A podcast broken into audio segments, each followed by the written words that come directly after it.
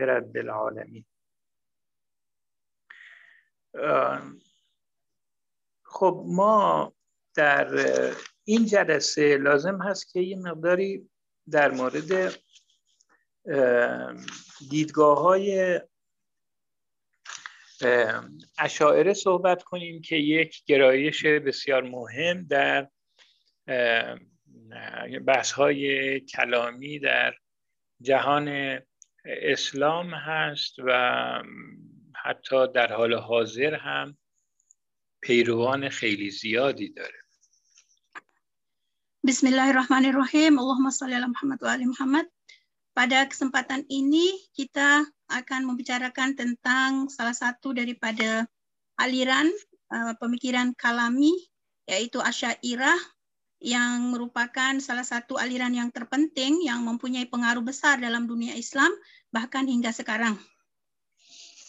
برخلاف معتزله که به هر حال بعد از مدتی از بین رفتند و طبعا کسانی از پیروان اونها در تاریخ باقی نموندن اما اشاعره از زمانی که مکتب پدید آمد تا به امروز جریان بسیار قوی در میان بحث های کلامی که در جهان اسلام مطرح میشه هست Uh, berlainan dengan Mu'tazilah yang yang sudah ingkras, yang sudah uh, hilang daripada uh, permukaan pembicaraan ilmu kalam, Asy'ariyah memiliki pengaruh besar dalam dunia Islam dan hingga sekarang uh, memiliki pengikut yang banyak.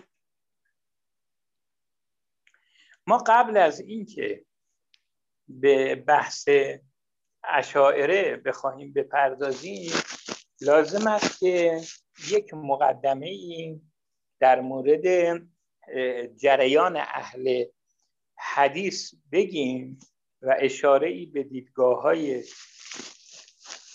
اهل حدیث بکنیم تا مقدمه ای باشه برای بحث از اشاعره kita sebelum memasuki pembahasan tentang Asy'ariyah, baiknya kita akan sebagai mukadimah kita akan membicarakan tentang aliran pemikiran ahli hadis yang merupakan ada kaitannya dengan uh, aliran Asy'ariyah. ما قبلا در مورد اهل حدیث صحبتی داشتیم که یک به حال جریان فقهی و اجتهادی بود که عمدتا در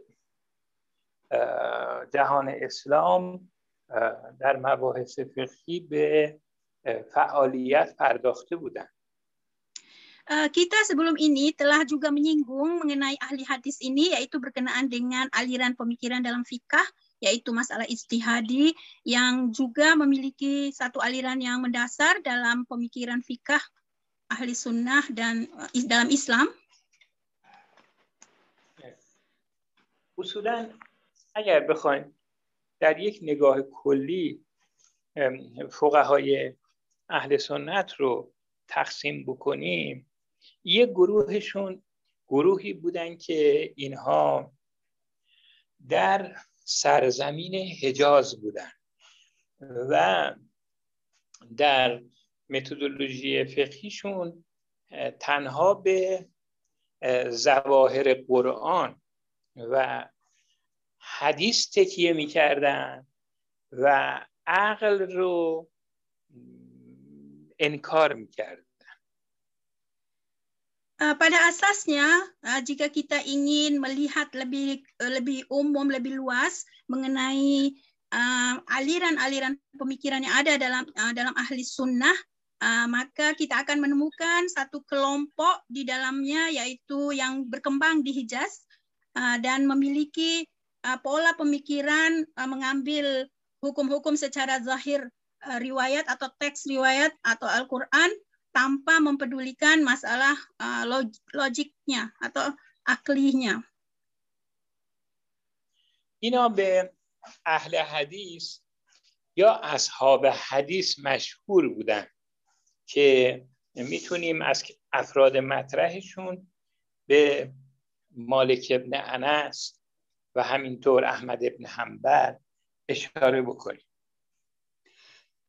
kelompok ini dapat kita sebut sebagai ahli hadis atau uh, ashab hadis. Di, di antaranya termasuk uh, Malik ibnu Anas dan Ahmad bin Hambal. خب اینها همون گروه اهل حدیثن گروه دوم هم که همون گروهی بودن که مرکزشون عراق بود و در رأس اونها ابو حنیفه قرار داشت و اونها گذشته از اینکه از قرآن و سنت استفاده می‌کردن از عقل هم به شکل خیلی گسترده استفاده می‌کردن Kelompok kedua yang berada di Irak yaitu termasuklah Abu Hanifah uh, merupakan mereka mendasarkan pemikiran mereka Al-Qur'an dan hadis dan juga menggunakan akal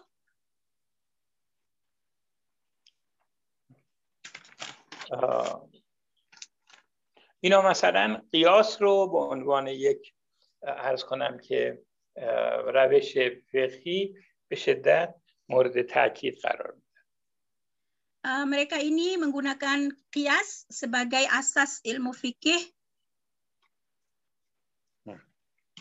ما حالا کاری به این اصحاب اینها که اسمشون اصحاب رأی بود دیگه. اصحاب قیاس اصحاب رأی بود. ما الان کارمون با اینها نیست. با همون اصحاب حدیث هست که در واقع کسانی همچون احمد ابن حنبل و مالک ابن انس در واقع جریان فکریشو رهبری می‌کردن.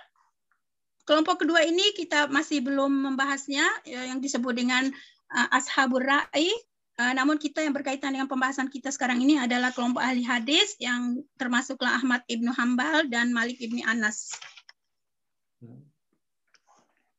خب این اهل حدیث نه فقط عقل رو به عنوان یه منبع مستقل قبول نداشتن مثلا قیاس رو مثلا به کلی انکار می‌کردن یا روش های عقلی دیگر رو در فهم احکام به طور کلی رد می‌کردن بلکه اینها با هر گونه بحث عقلی پیرامون احادیث اعتقادی هم مخالف بودن.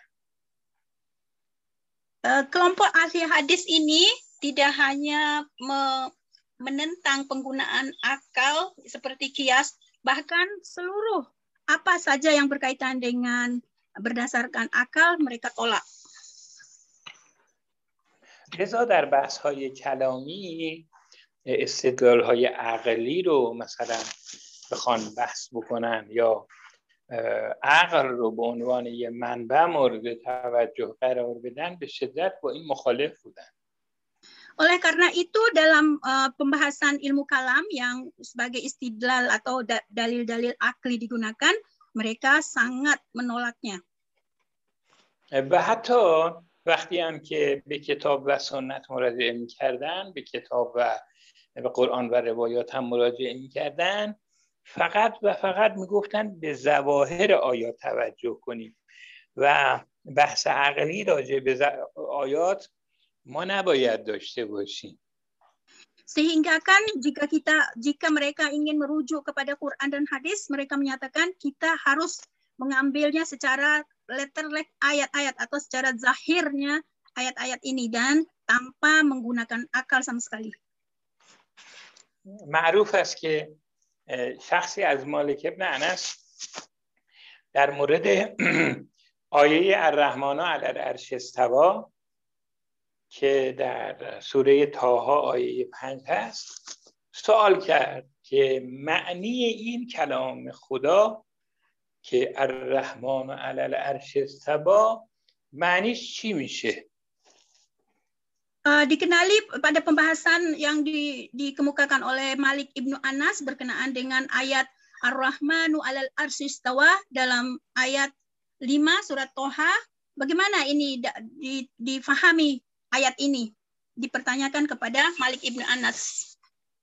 خب دلیل سوال اون سوال کننده هم این بود که این آیه ظاهرش میگه که خداوند بر روی یک صندلی بر روی یک کرسی نشست خب تو ذهن اون سوال کننده این بود که چطور میشه که ما قبول بکنیم که خداوند علیه بالله مثل جسمی میمونه مثل انسان یا چیزهای دیگه که روی صندلی قرار می‌گیره رو این جهت از مالک بن انس سوال کرد که معنی این چی میشه Seorang penanya uh, berkenaan dengan uh, dalil kenapa dia bertanya demikian karena dia melihat ayat ini uh, seperti naudzubillah menyamakan Allah dengan jisim yaitu bisa duduk di suatu kursi uh, oleh itu dia mempertanyakan ayat ini kepada Malik Ibnu Anas bagaimana nih uh, ayat seperti ini اما جواب مالک ابن انس این بود که در واقع چهار قسمت داشت جواب مالک ابن انس یکی این که خب الرحمن و علل عرش استوا که آیه قرآنه ظاهرش که معنیش معلومه بنابراین گفت استوای خدا و قرار گرفتن خدا بر عرش این معلومه Anas bin Malik menjawab ayat soalan ini dengan empat segi. Dalam soalan dia kita dapat mengambil empat uh, nukta. Nukta pertama yaitu baik uh, dalam pemahaman ayat ini secara zahirnya kita dapat memahami secara nyata bahwa uh, Ar-Rahman Allah itu duduk di atas kursi.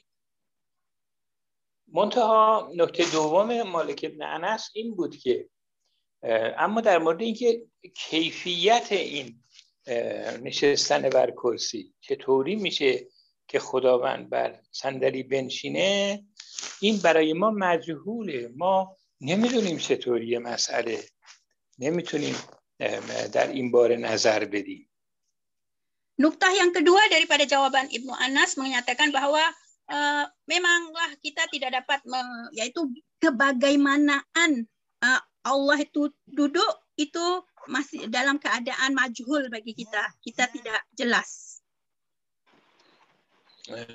منتها با وجود اینکه این کیفیت مجهوله ولی چون در قرآن ذکر شده ایمان بهش واجب این نکته سوم uh, yang nukta yang ketiga daripada jawaban Malik Ibnu Anas ini dikarenakan kita berkondisi majhul dalam memahami ayat ini, tetapi berdasarkan ayat yang lain menyatakan kita wajib beriman terhadap ayat ini dan uh, ke kondisi demikian.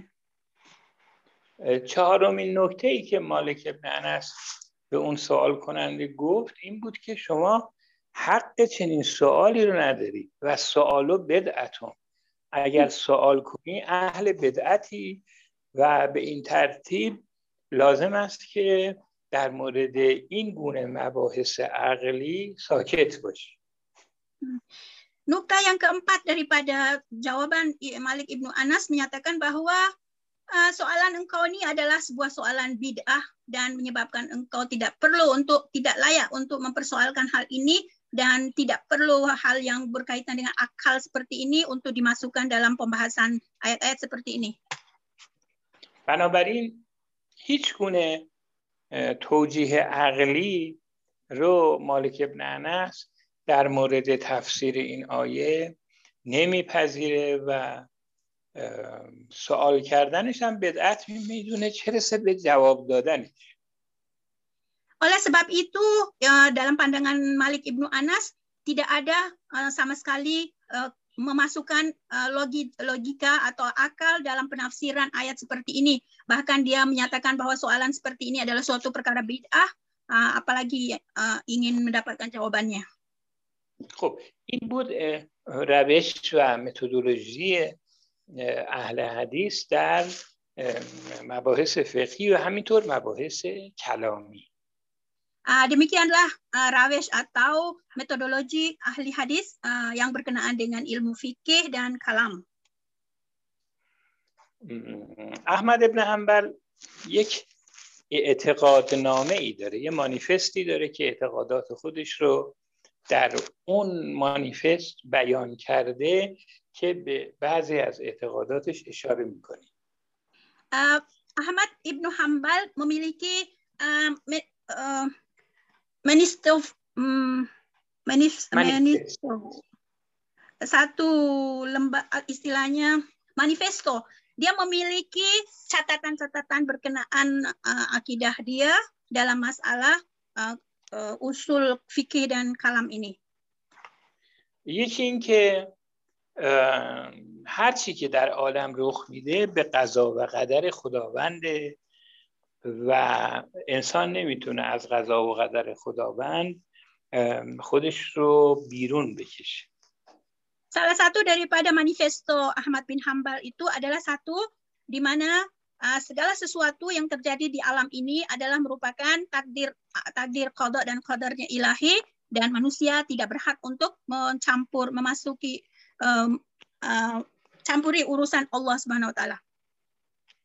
و دیگه و اینکه همه بنابراین همه فعلهای انسان ها ام از خوب یا بد بد مثل شرب خمر مثلا سرقت نمی‌دونم کشتن آدم های بیگناه و تمام اینا اینا به تقدیر پروردگار عالمه و در این زمینه کسی نمی‌تونه به خدا اعتراض کنه berdasarkan pemikiran demikian Ahmad bin Hambal menyatakan segala perbuatan manusia juga merupakan dalam koridor takdir ilahi. Oleh itu siapapun yang berlaku jenayah seperti membunuh, minum khamar dan segala-gala perbuatan manusia ini adalah merupakan takdir ilahi dan tidak perlu untuk dikritisi. بنابراین کسی نمیتونه بگه که خداوند خواسته بندگان اطاعت بکنن اما بنده ها خلاف این خواسته خدا معصیت رو اراده می‌کنن کسی اینو نمی‌تونه بگه بلکه تمام افعال makhluk parwardigar. Demikian juga dia menyatakan bahwa uh, segala perbuatan manusia uh, walaupun Allah Subhanahu wa taala memerintahkan kepada manusia untuk beribadah kepadanya, berlaku baik, tetapi ketika manusia melakukan keburukan yaitu maksiat kepada Allah Subhanahu wa taala, juga manusia tidak tidak ada yang berhak untuk menyatakan sedemikian.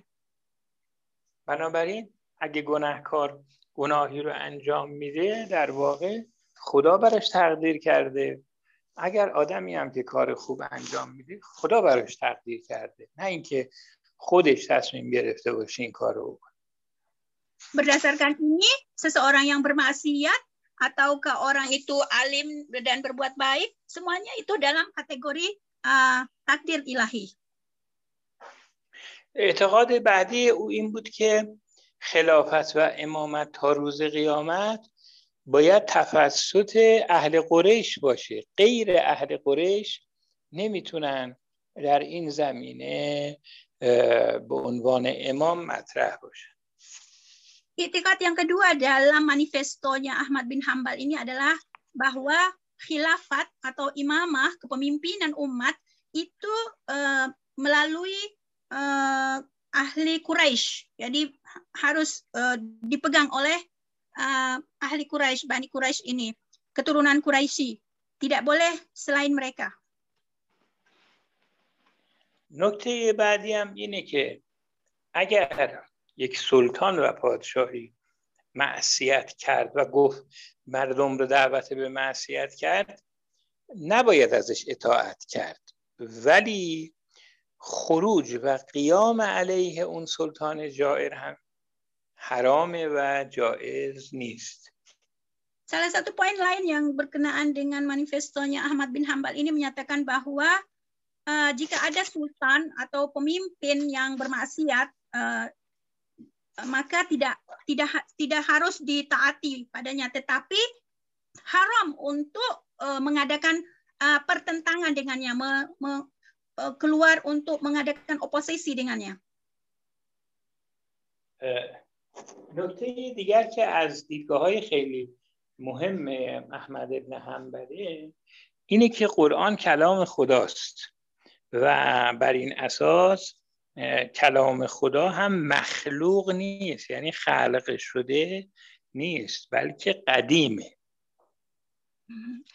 Poin yang lain daripada pandangan Ahmad bin Hambal yaitu menyatakan bahwa Quran itu adalah kalamnya Allah Subhanahu wa taala. Uh, oleh itu dia bukan makhluk.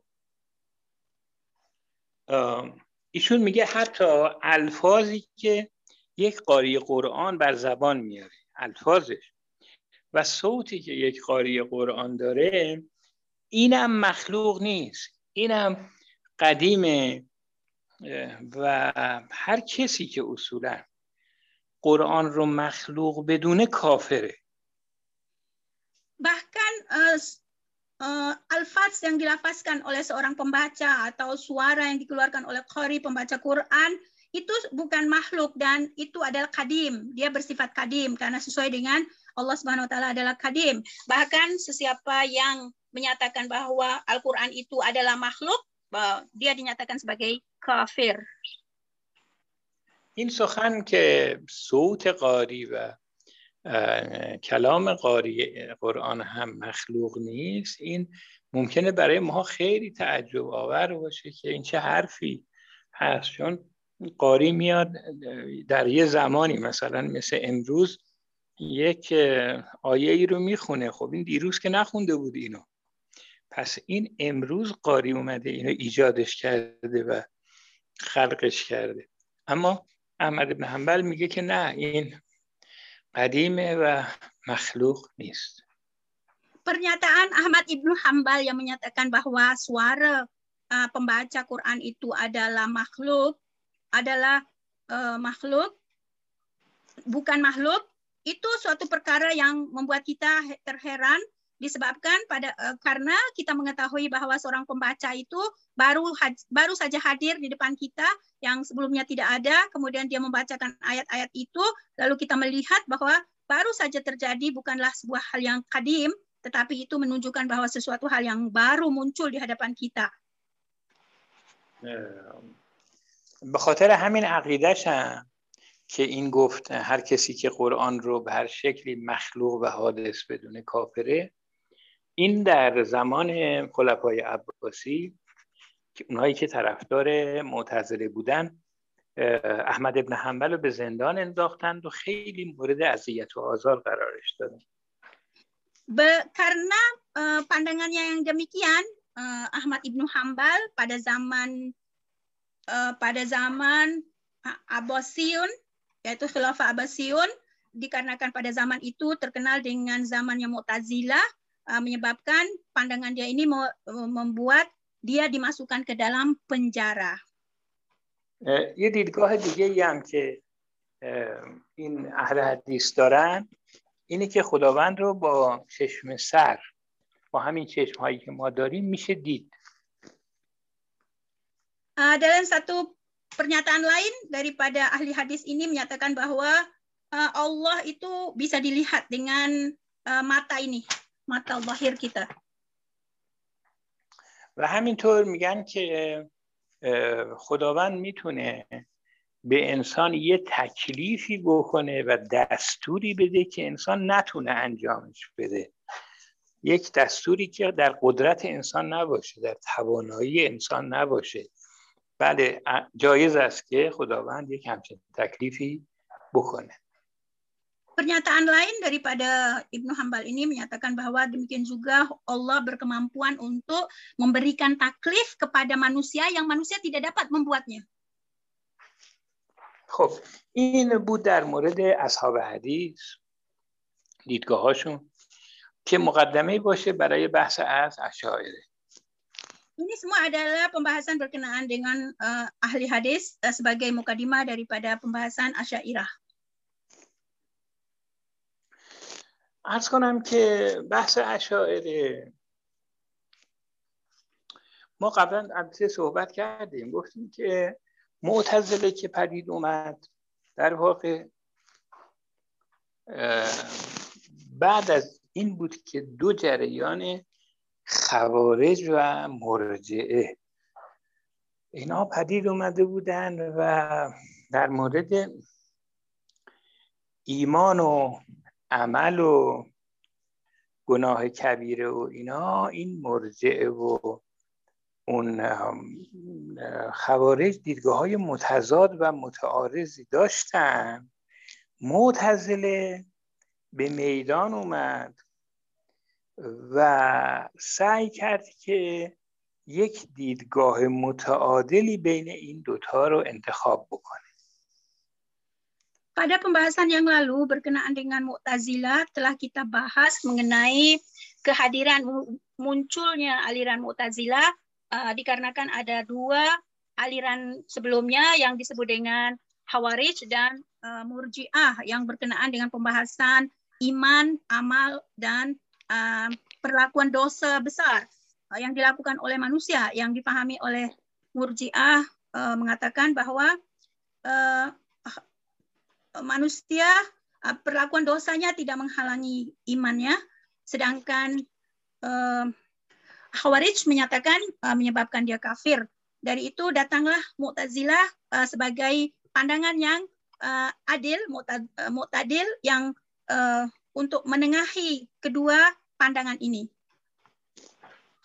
حالا در مورد اشاعره که بخوایم صحبت کنیم اینها هم در واقع اومده بودن تا بین دو افراط و تفرید قرار بگیرن و حد وسط رو در واقع به دست بگیرن دو افراط و تفریطی که اشاعره برای تعدیلش اومدن یکی معتزله بود و دیگری اهل حدیث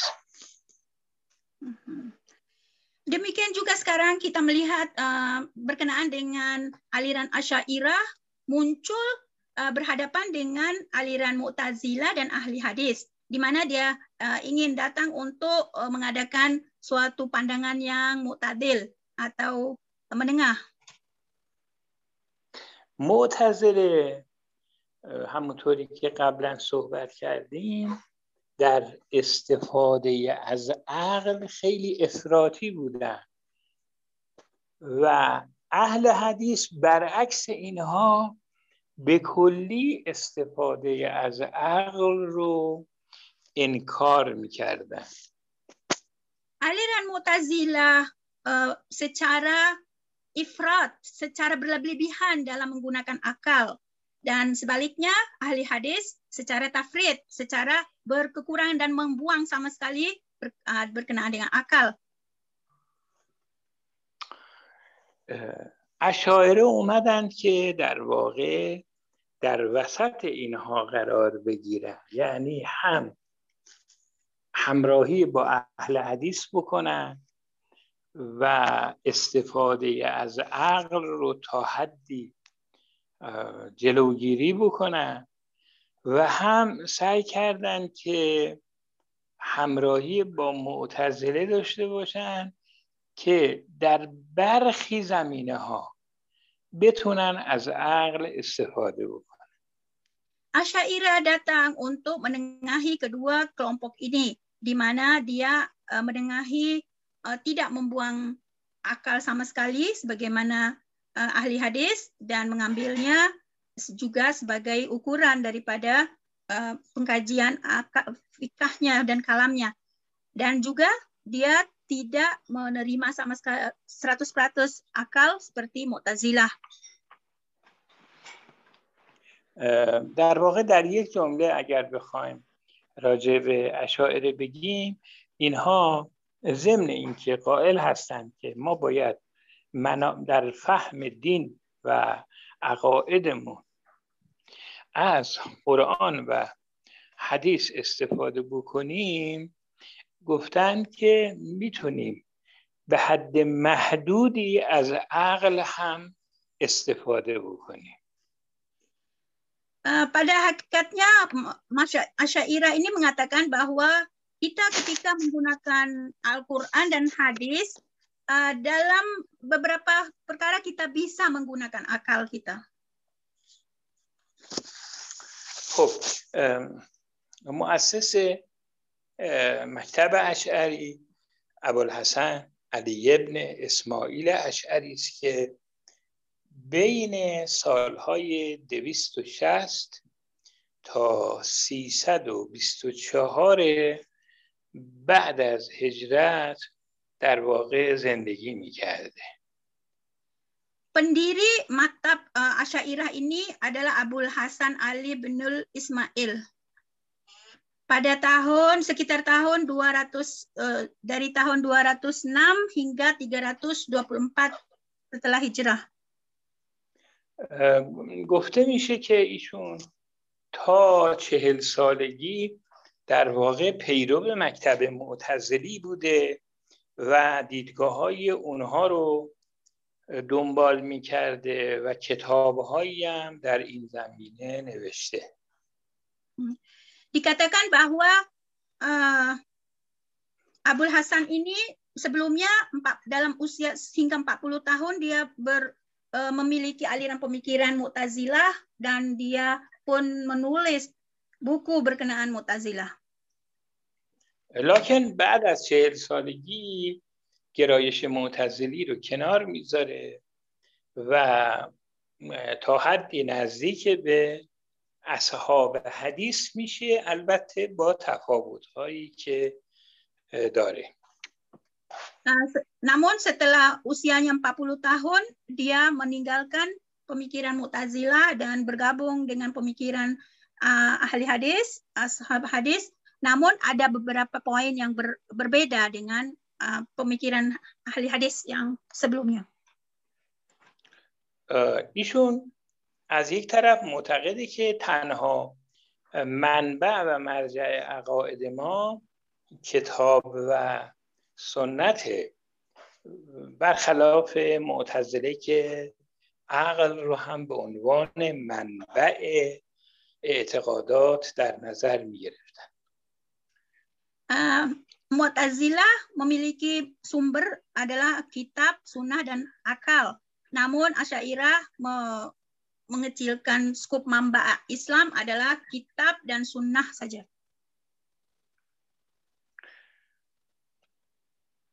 اما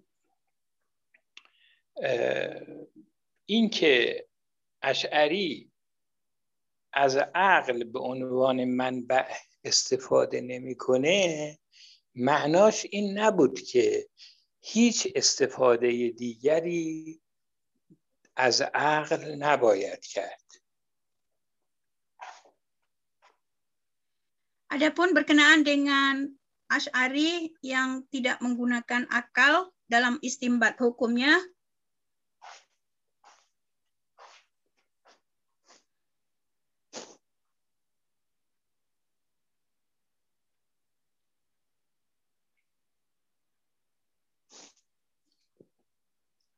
الو صدای شما رو من نمیشنوم. بله شما می‌تونید دوباره اون که اما این که اشعری از عقل استنباط نمی کند ارز می‌کنم که اشعری اگر چه عقل رو به عنوان منبع اعتقادات مورد تأیید قرار نداد. ولی معتقد بود که از عقل می شود استفاده های دیگری در اعتقادات کرد walaupun Asyairah mempunyai etikat mengenai bahwa akal itu tidak dapat digunakan dalam masalah etikat, namun dalam beberapa perkara lain akal dapat digunakan. او می‌گفت که ما می‌تونیم از عقل برای فهم آیات و روایات استفاده کنیم kita boleh menggunakan akal dalam memahami ayat dan riwayat. ولذا برخلاف اهل حدیث که اساساً بحث های کلامی رو رد می کردند ایشون بحث های کلامی رو مورد تأکید قرار می‌داد و قبول داشت bertentangan dengan pemikiran ahli hadis yang menolak pembahasan-pembahasan kalam uh, Asyairah uh, menerima pembahasan-pembahasan kalam. او معتقد بود که ما می توانیم برای دفاع از دین و عقاید dini از عقلمون استفاده کنیم. Uh, dia mempunyai keyakinan bahwa kita untuk membela agama kita dan atau itikat-itikat agama kita dapat menggunakan akal. در حالی که اهل حدیث به کلی با علم کلام مخالف بودن و همونطوری که نقل کردیم بعضی از اونها علم کلام رو بدعت می‌دونستن uh, bertentangan dengan ahli hadis yang menolak sama sekali tentang ilmu kalam bahkan menyatakan bahwa ilmu kalam adalah bid'ah. خب خانم سکا خیلی متشکر خسته شدید شما زحمت کشیدید. مثل اینکه آقای الکاف هم اومدن. از آقای الکاف هم استفاده کنیم که بله. زحمت فقط بر شما نباشه. بله مشکور. تشکر. خیلی زحمت کشیدید. جزاکم الله و خیر الجزا. همچنین آمین. خب ما حالا با توجه به اینکه متدولوژی اشعری رو برای فهم اعتقادات تا حدی به دست آوردیم سعی می‌کنیم که به بعضی از دیدگاه های ایشون اشاره بکنیم.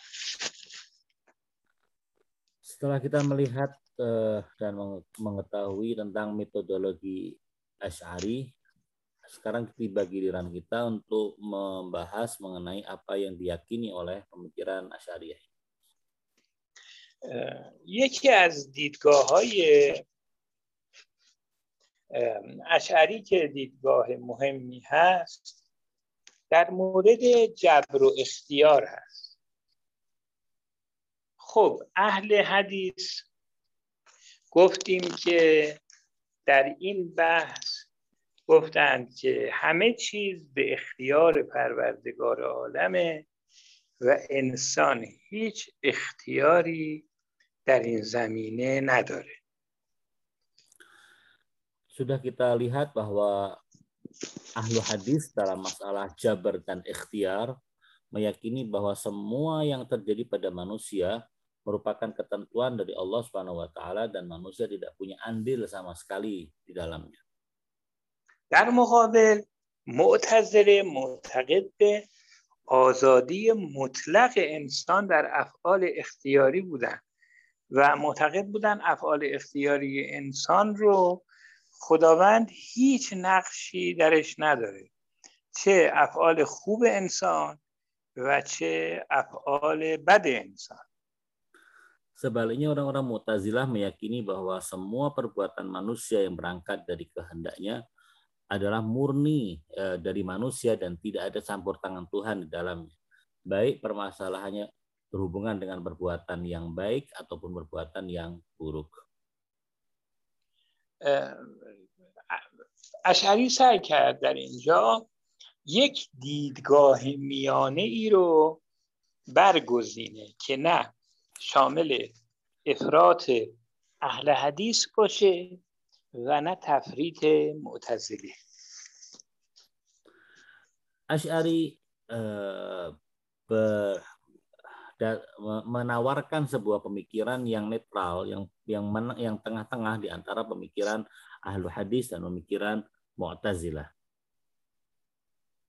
نظریه ای که او مطرح کرد در علم کلام به اسم نظریت الکسب از کسب و اکتساب و بلا من کسب سیعتن در آیه قرآن داره نظریت الکسب به اصطلاح معروف شده yang ditawarkan oleh Ash'ari dalam masalah jabar ikhtiar adalah sebuah pemikiran yang di dalam ilmu kalam lebih dikenal dengan eh, nama teori kasb atau nazariyah kasb diambil dari firman Allah Subhanahu wa taala bala man kasaba sayi'atan wa hatat bi khati'atu sampai akhir. البته این نظریه کسب قبل از اشعری هم بیش و کم در میان متکلمین مطرح بوده. ولی اونطوری که ایشون مطرح می‌کنه و جزو نظریه های محوریش قرار می‌گیره الان دیگه نظریه کسب در واقع همراه با نام اشعری تدائی معنا می‌کنه. Walaupun tidak bisa disangkal bahwa sebelum Ash'ari pemikiran atau teori kaseb ini pernah sudah sudah sudah pernah disampaikan dan sudah ada yang memaparkannya. Namun demikian Ash'ari menjelaskannya dan me, dan nazar dan teori kasb ini kemudian menjadi sebuah teori yang identik dengan Ash'ari. Sekarang ketika orang berbicara mengenai teori kasb selalu dilekatkan dengan Ash'ariyah. در واقع اشعری می‌خواد در اینجا هم قضا و قدر الهی رو بر همه جهان حتی افعال الهی انسان جاری بدونه و هم انسان رو نوعی در افعال اختیاری خودش مسئول بدونه. می‌خواد این دیدگاه رو مطرح کن Dengan teori kasb Ash'ari ingin me, ingin me, menyampaikan bahwa manusia itu tidak bisa keluar dari ketentuan Allah dan semua perbuatan manusia, perbuatan yang baik atau perbuatan yang buruk, seluruh perbuatan manusia itu adalah eh, sudah ditentukan oleh Allah Subhanahu wa taala. Namun di sisi lain Asy'ari juga ingin menunjukkan bahwa masalah hukuman atau pemberian pahala kepada manusia itu masih ada hubungannya dengan uh, andil manusia dalam perbuatan tersebut. حالا برای اینکه نظریه کسب ایشون خوب روشن بشه چند دقیقه من توضیح میشم میدم. نکته اول ایشون اینه که ما قدرت رو می‌تونیم به دو نوع تقسیم بکنیم. یکی قدرت قدیم. قدرت قدیم که فقط مختص به خداست و در خلق و ایجاد فعل مؤثره. و دومی قدرت حادثه که اثری در ایجاد فعل نداره. قدرت حادث فعل رو ایجاد نمی‌کنه. اما یه فایده ای داره این قدرت حادث. و اون اینه که کسی که این قدرت رو داره در خودش دقت کنید در خودش احساس آزادی و اختیار می‌کنه و خیال می‌کنه که می‌تواند کاری رو انجام بده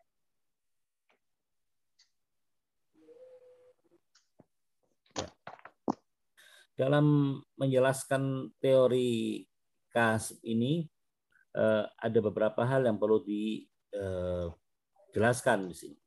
Bahwa pertama dia me, Ash'ari menjelaskan bahwa yang namanya kudrah atau kekuasaan untuk melakukan sesuatu itu ada dua macam. Yang pertama adalah kudrah yang bersifat qadim dan ini hanya milik Allah Subhanahu wa taala dan kudrah yang qadim ini adalah kudrah yang punya andil yang yang yang menciptakan perbuatan. Jadi setiap perbuatan ini eh, eh, tergantung oleh kudrah yang qadim ini, di kudrahnya Allah Subhanahu wa taala. Sementara ada kodrat yang hadis, kodrat yang baru, bukan kodrat yang qadim, yaitu kodrat yang tidak punya andil dalam menciptakan perbuatan itu. Akan tetapi kudrah yang hadis ini, yang baru ini punya faedah, yaitu dia memberikan kepada kepada orang yang memiliki kudrah ini memberikan sebuah rasa bahwa dia e, memiliki andil dalam perbuatan tersebut. خب وقت اصل دوم و نکته دومش اینه که چون تنها قدرت قدیم خداست و فقط خداست که در آفرینش منحصره فقط اوست که می آفرینه بنابراین تمام افعال انسان حتی فعل ارادی انسان هم مخلوق خداوند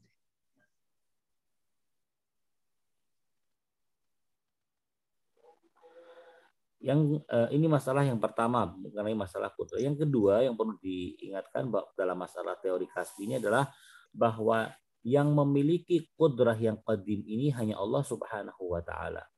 Kudrah qadim inilah yang membuat uh, yang uh, yang memiliki kudrah tersebut menjadi pencipta. Dan Allah lah satu-satunya pencipta.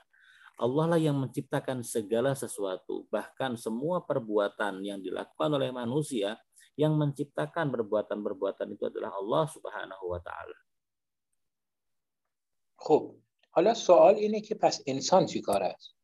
انسان این وسط آیا هیچ نقشی نداره؟ ایشون در اصل سومش میگه چرا؟ انسان نقش داره ولی نقشش عبارت از کسب کردن همون فعلی است که خداوند می آفرینه خداوند افعال انسان رو می آفرینه و انسان این فعل رو کسب میکنه پس نقش انسان کسب کردنه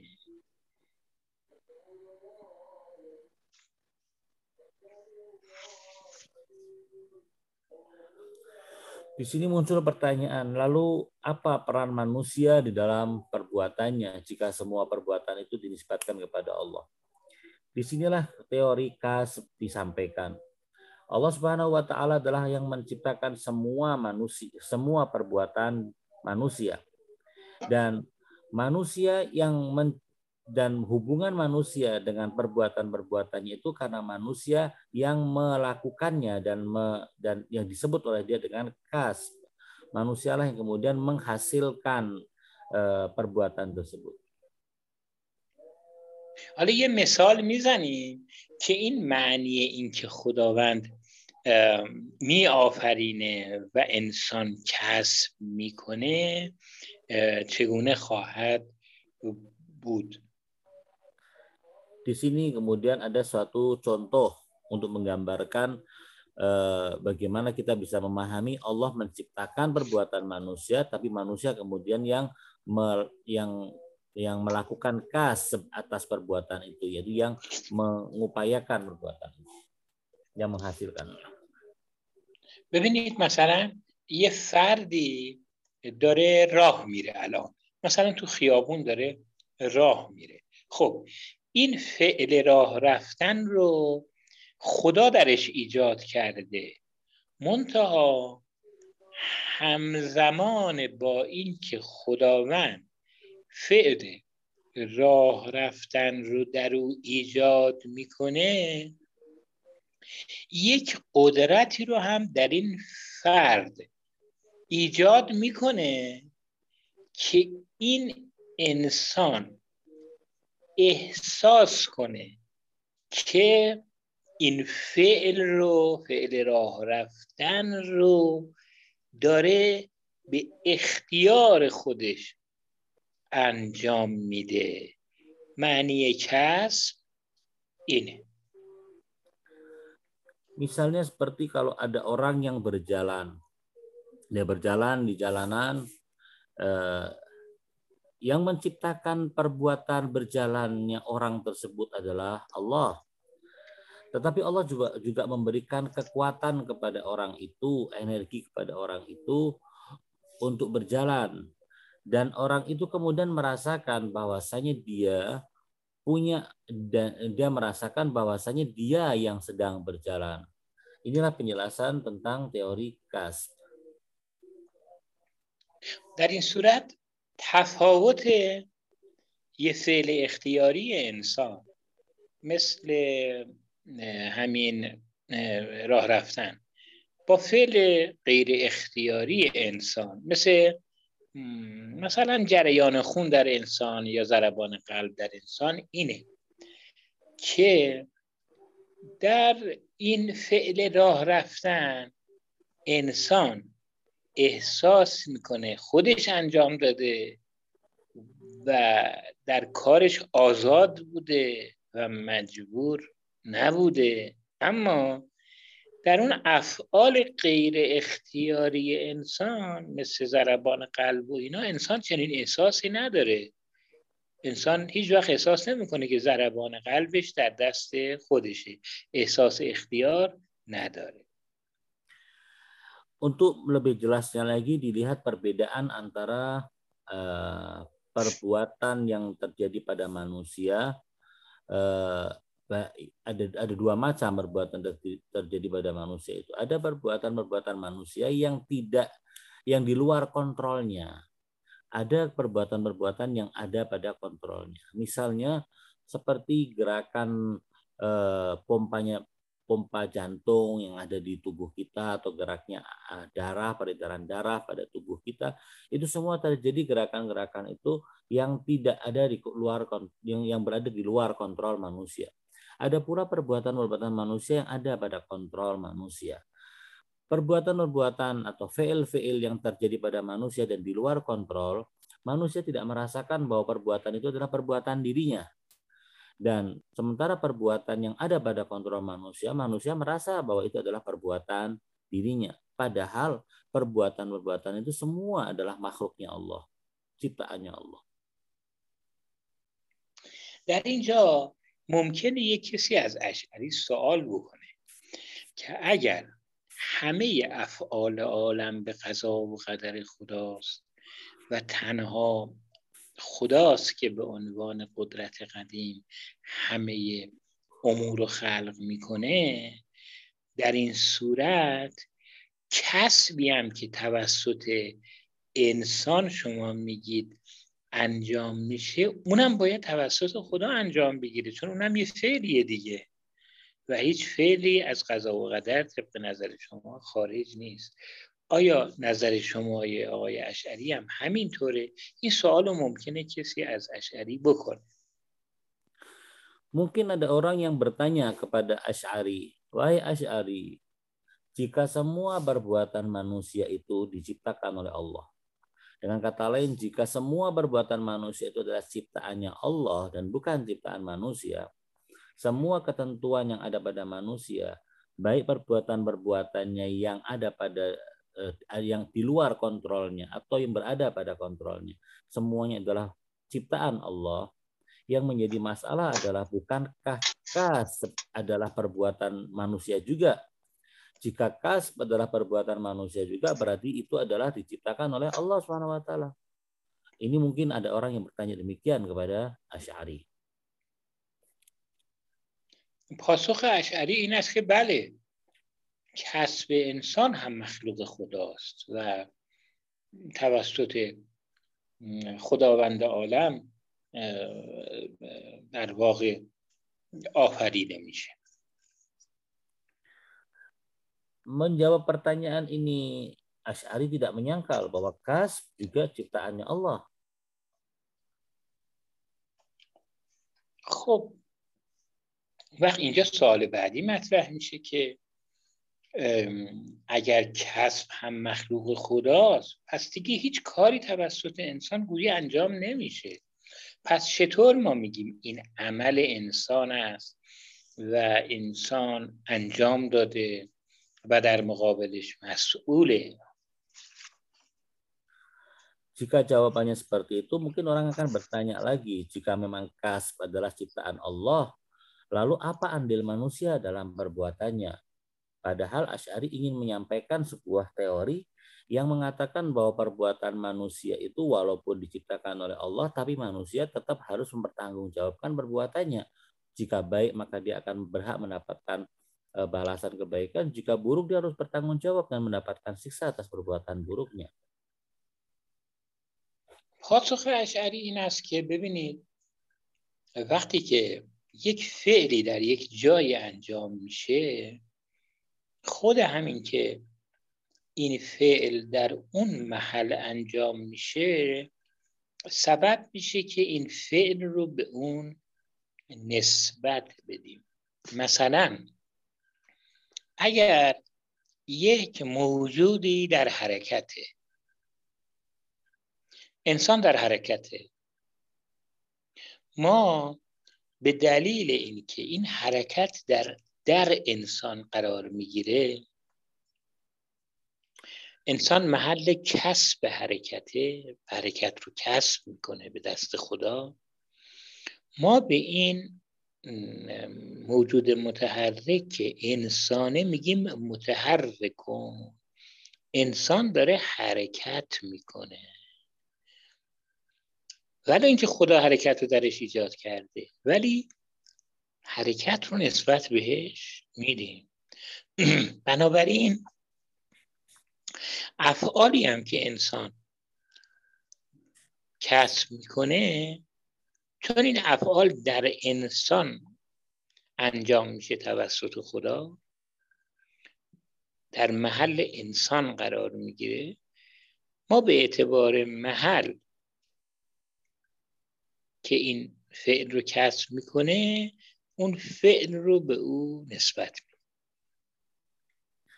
Asyari dalam menjawab pertanyaan itu mengatakan bahwa sebuah perbuatan jika dia terjadi pada suatu tempat, maka perbuatan itu bisa dinisbatkan pada tempat itu.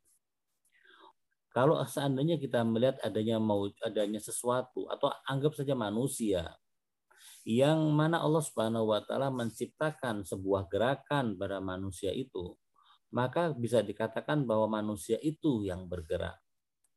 Jadi ketika Allah Subhanahu wa taala menciptakan sebuah perbuatan dan perbuatan itu ada pada suatu tempat, ada pada suatu e, maujud misalnya, ada suatu wujud, itu e, perbuatan itu bisa dinisbatkan kepada wujud dan tempat itu. خب این جواب اشعری مطرحه اما همچنان این سوال برای ما باقی میمونه که اگر من خدای نکرده گناهی رو مرتکب بشم طبق نظر اشعری خدا اینو آفریده. در محلی به نام من. و من اینو کسب کردم. اما هیچ اختیاری درش نداشتم. چرا باید؟ به خاطر اینکه خدا گناه رو در محل بدن من قرار داده و در محل من قرار داده چرا من باید به خاطر این گناهی که خودم در ایجاد او تاثیر نداشتم مورد معاخذه قرار بگیرم و مورد عقاب قرار بگیرم چرا Ini pendapat Ash'ari dan ada sedikit kritikan dan jawaban yang disampaikan oleh Ash'ari. Namun demikian, pertanyaan masih tetap tersisa dan belum mendapatkan jawaban. Ya ini begini pertanyaannya. Jika misalnya Allah jika misalnya seorang manusia melakukan perbuatan dosa, artinya Allah Subhanahu wa taala menciptakan perbuatan dosa itu pada diri seorang manusia. Dan manusia itu tidak mempunyai ikhtiar sama sekali, dia tidak punya andil sama sekali dalam perbuatannya. Karena ini murni ciptaan Allah dan diciptakannya pada manusia itu dosa dosa ini. Lalu kenapa orang tersebut yang tidak punya andil di dalam menentukan, di dalam memilih, di dalam uh, dalam menciptakan perbuatan itu harus menanggung uh, siksa yang mungkin akan diberikan oleh Allah akibat perbuatan dosa itu? Mengapa dia harus menanggung? این همین سوال رو در مورد کارهای خوب هم میشه کرد یعنی چرا باید یک کسی که به عنوان پیغمبر انتخاب میشه و خودش در اون نقشی نداره خودش فعل اختیاری هم در رشد خودش نداره کارهای خیلی خوبی توسط او انجام میشه چرا با توجه به اینکه خداوند همه کارها رو انجام میده چرا پاداش باید به این فرد داده بشه Hal yang sama juga, pertanyaan yang sama juga bisa kita eh, ajukan berkenaan dengan perbuatan baik. Misalnya seorang nabi yang mendapatkan kedudukan yang sedemikian agung dan mendapatkan pahala yang sedemikian agung karena dia melakukan amal perbuatan-perbuatan yang baik, yang soleh, yang terpuji. Padahal sang nabi itu ketika dia melakukan itu dia tidak punya uh, ikhtiar sama sekali. Semuanya adalah ketentuan dari Tuhan. Dan Allah yang menciptakan semua amalan-amalan baik pada diri Nabi tersebut. Lalu kenapa Tuhan memberikan kedudukan yang tinggi kepada dia, tidak memberikan kepada orang yang lain? به عبارت دیگه گناهکار یا کسی که عمل صالح داشته. هیچ دخلی در این ندارن اون وقت یک گناهکار در قیامت خواهد گفت خدایا من چه فرقی با اون آدمی که کار خوب انجام داده دارم که او بهشت میره؟ من جهنم میرم. اگر تو جای ما را عوض کرده بودی الان من در بهشت بودم و ایشون در جهنم. چون هیچ کدوم ما دو نفر در سرنوشتمون هیچ نقشی نداشتیم Bisa dibayangkan di hari kiamat nanti seorang yang uh, yang pendosa ketika akan dimasukkan ke neraka dia melayangkan protes kepada Tuhan ya Tuhan kenapa uh, apa bedanya aku dengan dia perbuatanku adalah semuanya adalah ciptaanmu dan engkau yang menciptakan perbuatan itu perbuatan orang yang akan masuk surga dan mendapatkan kedudukan sebagai seorang nabi itu juga perbuatan yang engkau ciptakan seandainya engkau me, me, mengubah posisi kami tentunya yang akan masuk surga adalah aku dan yang masuk neraka adalah dia dan ini semua adalah perbuatan yang kita lakukan yang aku lakukan atau yang dia lakukan semua adalah perbuatan yang kau ciptakan apa beda aku dengan dia پس بدین ترتیب به نظر میرسه که با همه تلاشی که اشعری کرد برای اینکه دیدگاه متفاوتی از اهل حدیث ارائه بده و از جبرگرایی بیرون بیاد اما تلاشش در نظریه کسب تلاش موفقیت آمیزی نبود. Setelah kita melihat dan mendengar penjelasan ini tentang masalah teori kas dari Ash'ari, nampaknya apa pun yang telah dilakukan oleh Ash'ari dan usahanya dalam mensinkronkan atau mencari titik tengah antara pendapat ahlu hadis dan mu'tazilah dalam masalah jabar dan ikhtiar ini, nampaknya Ash'ari masih tidak bisa lepas dari pemikiran ahlul hadis. Artinya eh, tidak menyisakan andil manusia di dalam perbuatan-perbuatannya. خب این یک دیدگاه اشعری بود که دیدگاه خیلی مهمی بود حالا به دیدگاه دیگرش میرسیم که بحث مخلوق بودن یا نبودن قرآن Ini adalah masalah pertama dari keyakinan-keyakinan atau pandangan-pandangan Asy'ari itu masalah teori kas. Sekarang kita masuk kepada pandangan beliau yang lain berkenaan dengan Al-Quran. Apakah Al-Quran itu makhluk ataukah bukan? خب اهل حدیث خیلی گرایش افراطی داشتن چون می‌گفتن که سخن قاری قرآن و حروفی که او بر زبان میاره حتی جلد و کاغذ قرآن هم اینا می‌گفتن که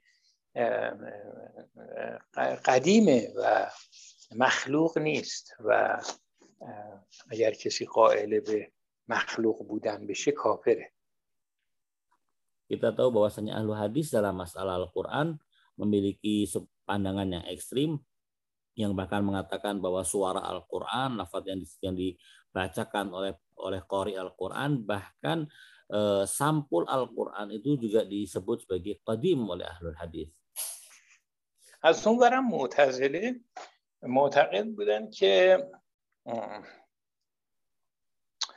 خب این حروف و اصوات رو که اصلا روشنه که اینا مخلوقن و حتی کلامی هم که خدا از طریق جبرئیل یا پیامبر در واقع در قرآن کریم میفرسته و نازل می‌کنه اون هم همینطور اون هم مخلوقه. اون جز ذات خدا نیست. خداوند بر جبرئیل نازل می‌کنه. چیزی که بر جبرئیل نازل میشه نمی‌تونه قدیم باشه نمی‌تونه جزء خدا باشه. بنابراین همه این امور مخلوقه. Dalam kaitan ini Ash'ari mengatakan bahwa Eh, jelas suara bacaan Al-Quran bukan qadim, apalagi jilid Al-Quran, kertas yang dibuat untuk untuk menulis Al-Quran juga pasti bukan qadim. Bahkan eh, wahyu yang dibawa oleh malaikat Jibril dan disampaikan kepada Nabi dari sisi Allah Subhanahu wa juga bukan qadim karena dibawa oleh malaikat Jibril dan disampaikan kepada Nabi. Eh, Ash'ari umat یک راه میانه ای رو انتخاب کرد که نه کاملا حرف معتزله و نه کاملا حرف اهل حدیث بلکه یک راه سومی رو پیشنهاد Ash'ari kemudian me, menyampaikan pandangan yang eh, dianggap sebagai pandangan netral, pandangan tengah antara pandangan ahlul hadis dan pandangan Mu'tazilah. او گفتش که این الفاظ و اصوات و که بر زبان قاری جاری میشه یا جلد قرآن کتاب قرآن خب اینا که روشنه که واقعا اینا حادثن اینا پدید اومدن دیروز نبودن امروز تو چاپخونه قرآن چاپ شد و یا قاری دیروز نخونده بود امروز خون بنابراین این حادثه و در این زمینه حق با معتزله است Dia mengatakan bahwa alfaz Al-Quran, suara bacaan Al-Quran, bahkan jilid Al-Quran itu tidak bisa dikatakan qadim. Karena kita tahu orang seorang membaca Al-Quran, qari Al-Quran yang sekali ini membaca Al-Quran, kemarin tidak ada suaranya dia Untuk dalam baca Al-Quran berarti bukan qadim. Terkait dengan masalah ini, Mu'tazilah memiliki pendapat yang benar. اما یه چیز دیگری داریم ما به نام کلام خدا که عبارت از خود اصطلاحشون کلام نفسی هست اون ارز کنم همون کلام حقیقی خداونده که در خداوند وجود داره و بعدا توسط الفاظ ارائه میشه. اون چیزی که در خداوند هست قبل از اینکه به لفظ تبدیل بشه اینو اسمشو می‌ذاره کلام نفسی. میگه این قدیمه این دیگه چیزی نیستش که مخلوق و حادث باشه. Ash'ari kemudian mengatakan walaupun lafaz Al-Qur'an, Al-Qur'an, suara Al-Qur'an dan jilid Al-Qur'an itu bukan qadim, tetapi ada disebut dengan kalam nafsi, yaitu suatu kalam yang hakiki yang ada pada Allah Subhanahu wa taala. Itu adalah itu adalah eh, dari zatnya Allah Subhanahu wa taala kalam hakiki itu. Sebelum dia berubah dari kalam hakiki menjadi lafaz dan kemudian dilafazkan dalam bentuk kata-kata. خب اینم بحث کلام خدا بود که در واقع یکی از دیدگاه های اشعری بود دیدگاه بعدی دیدگاه او در مورد رؤیت خداوند و دیدن خداوند Pembahasan berikutnya adalah mengenai pandangan Asy'ari berkaitan dengan melihat Allah Subhanahu wa taala. در مورد رؤیت هم باز دو تا دیدگاه وجود داره و اشعری سعی می‌کنه دیدگاه سومی رو مطرح کنه terkait dengan masalah melihat Allah Subhanahu wa taala ada dua pandangan dan Asy'ari menawarkan pandangan yang ketiga. خب از طرفی یه عده از اهل حدیث هستن که به اسم مشبهه یا حشویه معروفن.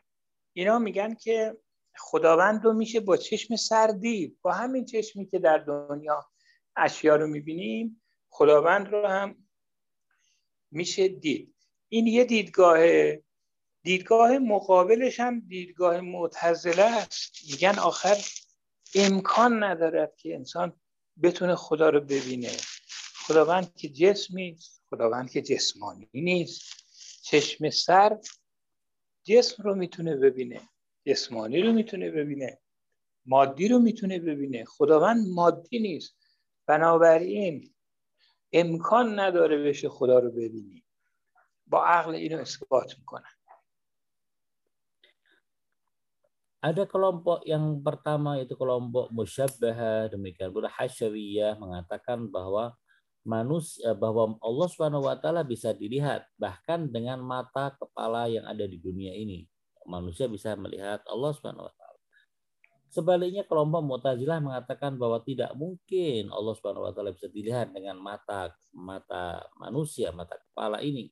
Karena Allah Subhanahu wa taala bukan jisim yang bisa dilihat adalah yang berbentuk jisim, yang yang yang yang memiliki jisim baru bisa dilihat dengan mata. اشعری یه دیدگاه سومی رو ارائه می‌کنه. او میگه خداوند رو میشه دید اما نمانند دیدن سایر اجسام. میشه دید ولی به شکل دیگری میشه دید.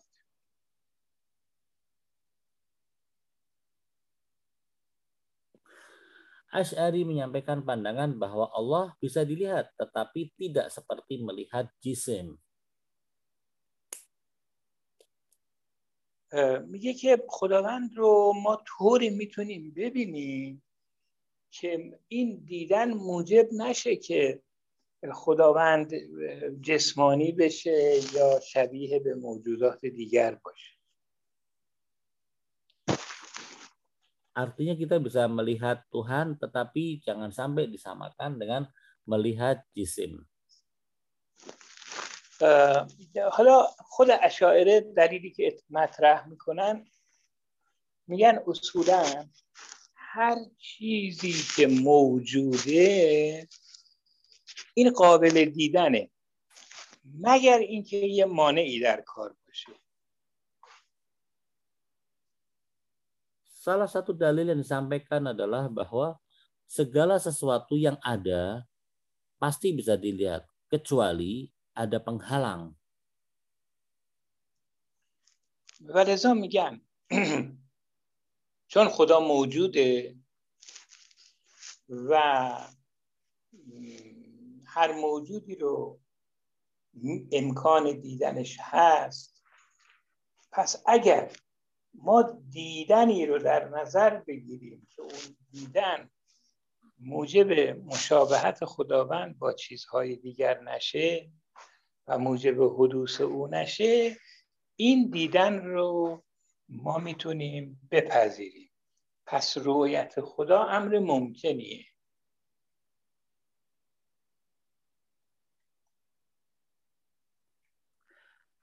Dia mengatakan Asy'ari mengatakan bahwa Allah karena Allah Subhanahu wa taala adalah maujud juga, ada juga berarti sesuatu yang maujud itu bisa dilihat dan Allah dalam maujud Allah bisa dilihat akan tetapi Allah itu berbeda dengan makhluknya.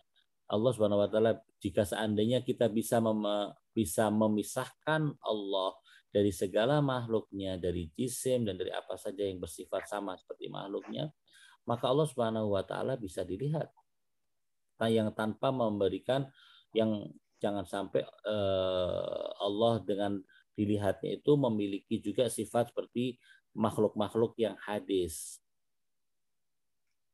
البته در اینجا ممکنه کسی از حالا یا خود اشعری یا کسانی که این دیدگاه رو دارن این سوال رو داشته باشه که شما در این دلیلتون گفتید هر چیزی که موجود باشد امکان رؤیت هست این پیشفرزتون این سخنی نیستش که خیلی بدیهی و روشن باشه از کجا شما یه همچین اصلی رو تونستید به نتیجه برسید که هر چیزی که موجود شد امکان دیده شدن هست این رو باید اثبات بود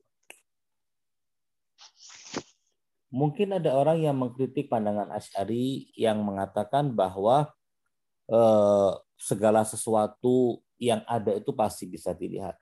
Dari mana? Dalilnya apa? Bahwa segala sesuatu yang ada itu pasti bisa dilihat? خب این هم یه دیدگاه ایشون بود. یه دیدگاه دیگری هم بود که در مورد حسن و قبح افعاله. خب معتزله گفتن که افعال یعنی کارهایی که انسان انجام میده دارای حسن و قبه مثلا کسی ظلم می‌کنه. این فعل فعل زشتیه. کسی عدالت رو انجام میده. کار کار خوبیه. حتی اگر شریعت هم این رو نگفته باشه. این حرف معتزله بود. Permasalahan berikutnya dari pemikiran Ash'ari adalah berkenaan dengan masalah baik dan buruknya suatu perbuatan. Mu'tazilah meyakini bahwa perbuatan itu eh, bisa diketahui baik dan buruknya dengan akal. Akal kita bisa memahami bahwa suatu perbuatan itu baik atau perbuatan itu adalah buruk. Walaupun seandainya tidak ada tuntunan syariat yang memberitahu kita bahwa perbuatan tersebut baik. Akal sudah cukup untuk bisa mengetahui ini baik atau itu tidak baik.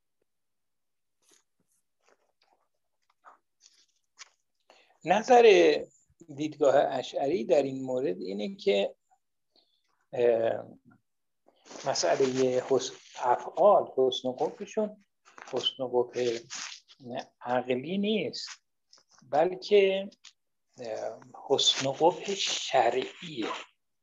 یعنی این افعالی مثل ظلم و عدل و اینا که انسان انجام میده اینا فی حد ذاته و عقلا قابل این نیست که بگیم حسن یا قبیه اگر شارع ثوابی برای کاری قرار داد یا خودش مدهی برای یک کار قرار داد یا اقابی برای کار دیگه قرار داد و زمی برای کار دیگه قرار داد.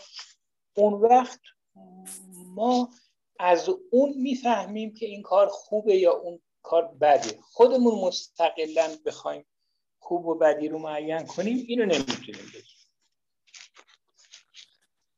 Berbeda dengan pandangan Mu'tazilah, Ash'ari meyakini bahwa baik dan buruknya suatu perbuatan itu tidak ditentukan oleh akal. Akal tidak mampu untuk mengetahui suatu perbuatan itu baik atau tidak baik.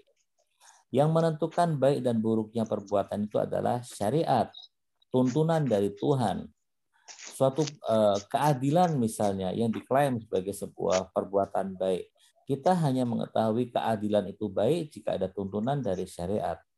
Dengan kata lain, tanpa adanya tuntunan dari syariat, semua perbuatan itu tidak bisa disebut sebagai baik atau sebagai perbuatan yang buruk. Untuk bisa mengetahui sesuatu yang baik dan yang buruk itu, syariatlah yang memberikan penjelasan kepada kita. یه دیدگاه اشاعره مربوط به تکلیف مالای اتاقه آیا خداوند می‌تواند یک تکلیفی رو به ما الزام کنه که ما قدرت انجامش رو نداریم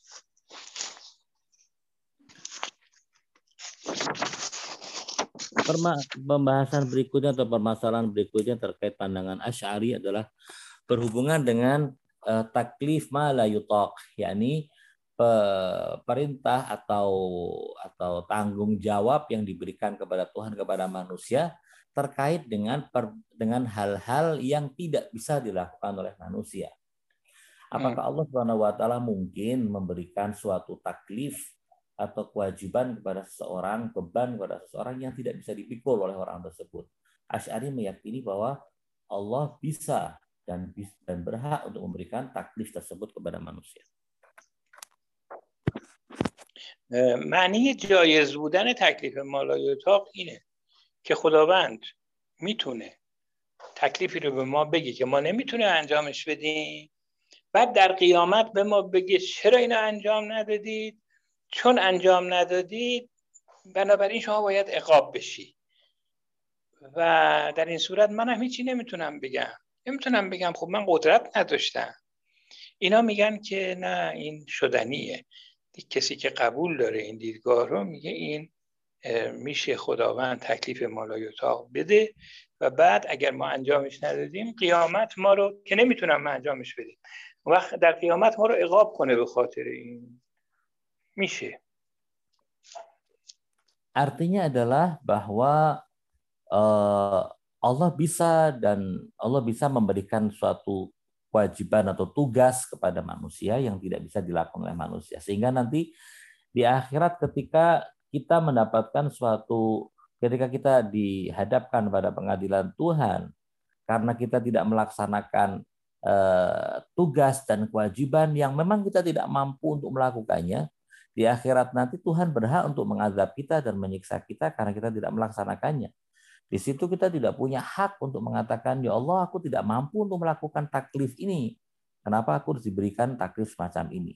Ini yang dimaksud dalam eh, pandangan bahwa Ash'ari meyakini bahwa taklif malayutok itu mungkin dan boleh saja terjadi. اما معتزله میگن که نه این امر قبیحیه یعنی خداوند کار قبیح رو انجام نمیده و لذا تکلیف مالایوتا نمی‌کنه و قبیهی که بکنه و در قیامت هم اگر ما انجامش نداده باشیم در دنیا در قیامت هم ما رو مورد مؤاخذه قرار نمیده. berlawanan dengan pandangan Asy'ari, Mu'tazilah meyakini bahwa taklif malayutok adalah sebuah perbuatan yang buruk. Dan tidak mungkin Allah Subhanahu wa taala melakukan perbuatan yang buruk.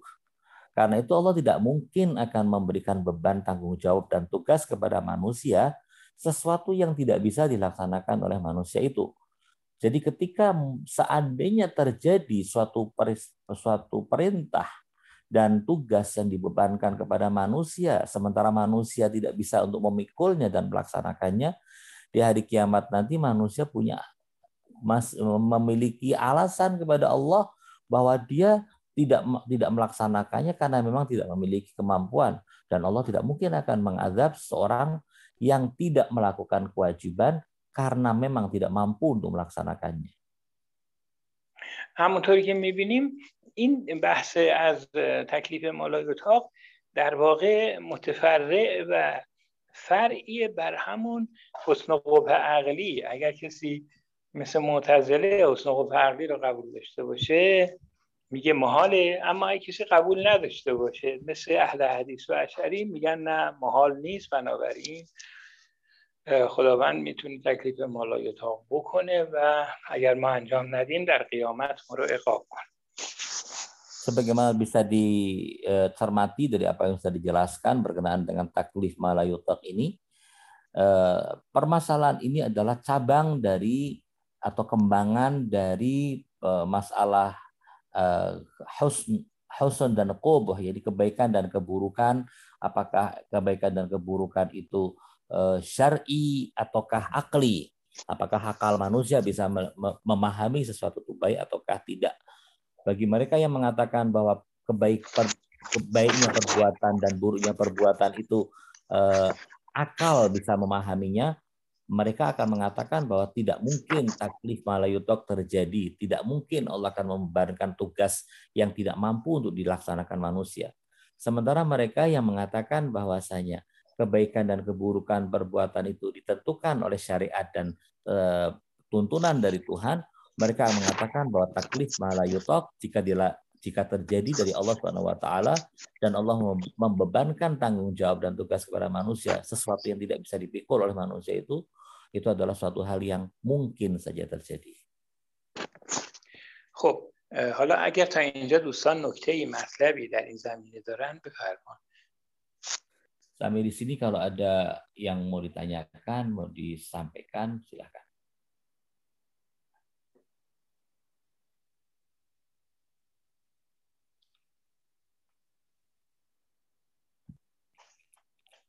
Ustaz ببخشید uh, بله خواهش. من مسئله نظری کسب اشعری چندین کتاب خوندم از خود نویسندگان اشعری. ولی هنوزم که هنوزه متوجه نیستم که نگاه ایشون یعنی نظر ایشون و توضیح ایشون نسبت به این نظری کسب چیست مگر اینکه اون چیزی که شما فرمودید که این نظر کسب فقط به نظر من البته به نظر من این نظر کسب فقط بازی با الفاظه و الا سر ته این دیدگاه همون دیدگاه اهل حدیث در جبر و اختیار آیا همینه؟ بله نتیجهش همونه دیگه نتیجهش اینه که ایشون با همه تلاشی که می‌کنه با همه تلاشی که می‌کنه نمی‌تونه در آخر مسئولیت انسان در مقابل کار خودش رو خوب یا بد رو در واقع اثبات بکنه. بالاخره اون مبنایی که ایشون برگزیده که تمام امور به ید خداست و انسان هیچ کاری رو خلق نمی‌کنه و نمی آفرینه وقتی این نقش رو از انسان می‌گیره این هر کاری بکنه حتی به عنوان کسب یا هر چیز دیگه ای عملا اختیار رو نمی‌تونه برای انسان ثابت کنه و نمی‌تونه اینکه انسان مسئول کار خودش باشه. یه گناهکار می‌تونه بگه من نکردم خدا کرد. و اونی هم همون گناهکار میگه که اونی که کار خوب انجام داده اونم خدا کرده. این خودش کاری رو نکرده. تمام فضیلت های عالم انکار میشه تمام مسئولیت ها در واقع از بین میره همینطوری که میفرمایید Ya, tadi saya bertanya kepada Ustadz bahwa saya secara pribadi pernah menulis tentang uh, teori kas dan karena saya menulis itu saya membaca banyak buku dari kalangan para penulis Asy'ari berkenaan dengan teori kas. tapi sampai saat ini pun saya masih belum bisa memahami apa sebenarnya yang ingin disampaikan oleh uh, Asy'ari berkenaan dengan teori kas kecuali adalah sebuah kesimpulan bahwa teori kas ujung-ujungnya adalah eh, pandangan ahlul hadis terkait dengan jabat dan ikhtiar. Bahwa bahwa manusia tidak punya sama sekali ikhtiar pada perbuatannya. Semua perbuatan manusia adalah ciptaan Tuhan. Jadi eh, dalam pandangan saya kas tidak lebih dari sebuah permainan kata-kata karena ujungnya adalah keyakinan ahlul hadis. Ustadz menjawab, ya memang eh, seperti itu dan memang kita melihat bahwa teori kas meyakini perbuatan manusia itu adalah murni perbuatan Allah dan manusia eh, tidak memiliki andil dalam perbuatannya sama sekali. Teori ini kalau seandainya diterima, termasuk dengan teori ahlul hadis yang mengatakan bahwa eh, semua perbuatan manusia berasal dari Allah dan tidak ada sama sekali andil manusia, pemikiran ini akan menggugurkan semua kemuliaan-kemuliaan, semua amal baik akan tergugurkan karena tidak punya nilai. Dan semua amal perbuatan buruk juga tidak memiliki nilai buruk karena semuanya adalah dilakukan karena diciptakan oleh Allah Subhanahu wa taala. Dalam teori ini juga akan gugur apa pemikiran mengenai balasan kebaikan dan balasan keburukan. Jadi teori tentang jabar ikhtiar ini kalau seandainya meyakini bahwa semuanya adalah dari Allah dan perbuatan Allah tanpa ada andil manusia akan berakibat yang sangat akan mengakibatkan hal-hal yang seperti tadi. Silakan kalau ada yang mau disampaikan lagi oleh para satir. Saya tak boleh tanya. Monggo, monggo Pak Arif. Ya, Bismillahirrahmanirrahim.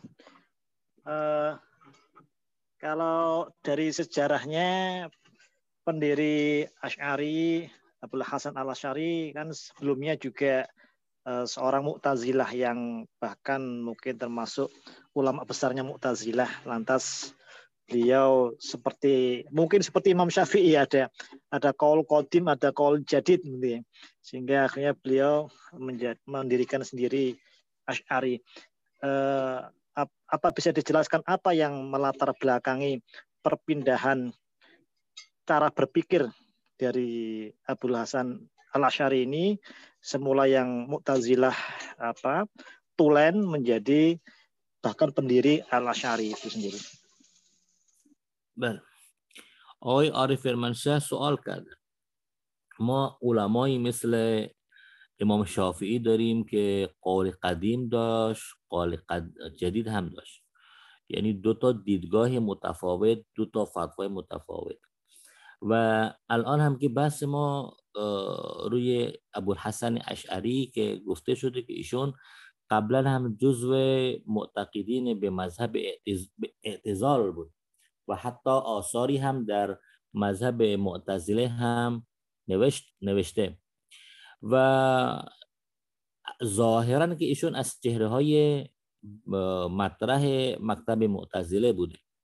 اما بعدها گرایش پیدا کرده به اهل حدیث و مکتب اعتزال را ترک کرده و یک مکتب جدیدی کلامی را بنیان گذاری کرد. هم مکتب اشعریه. سوال در اینجاست. چه مسائلی سبب شده که آقای ابوالحسن اشعری چنین گرایشی به اهل حدیث داشته و تقریبا چرخش در در تفک تفکر tafakur isun tafakur kalau isun diwujud omade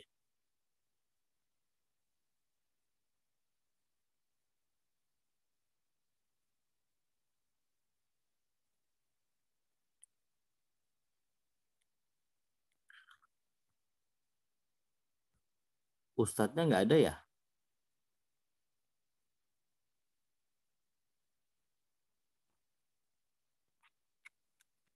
Keluar Keluar, Ustaz. Jadi saya nerjemahkan percuma dong. صدای منو دارین؟ بله بله استاد بله بله ببینید یه مسئله خیلی مهمی که موجب شد برخی از متفکرین معتزله از اعتزار رو برگردونن این نکته ایه که عرض می‌کنم بود معتزله بالاخره کسانی بودن که اینا هدفشون این بود که بتونن در مقابل مکتبهای الهادی و ضد اسلامی یا غیر اسلامی اینها بیستن و پاسخهای لازم رو برای دفاع از دین استفاده بکنن. و این اقتضا می‌کرد که اینا به طرف عقل برن. اما این عقل گراییشون روز به روز شکل افراطی به خودش گرفت.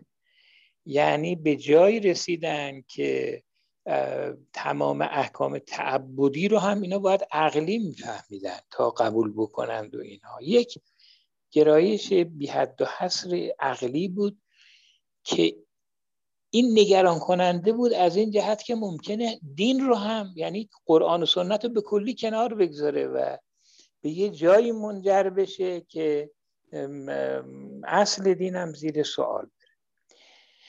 این موجب شد که یه عده متفکرین به این فکر بیفتن که این متزله دارن کجا میرن؟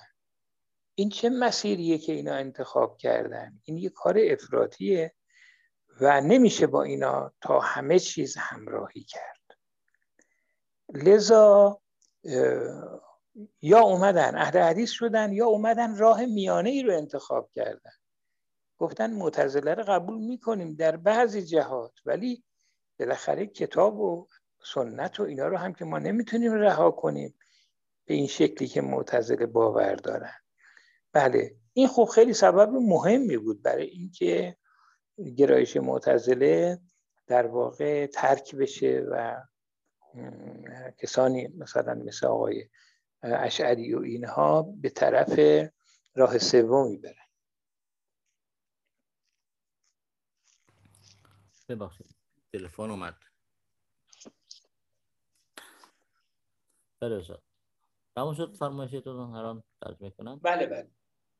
Ya, uh, kita melihat bahwa ah, Mu'tazilah pertama kali muncul pemikiran Mu'tazilah itu dengan menggunakan akal dan uh, memberikan nilai yang besar kepada akal itu muncul saat se Islam berhadapan dengan pemikiran-pemikiran di luar Islam.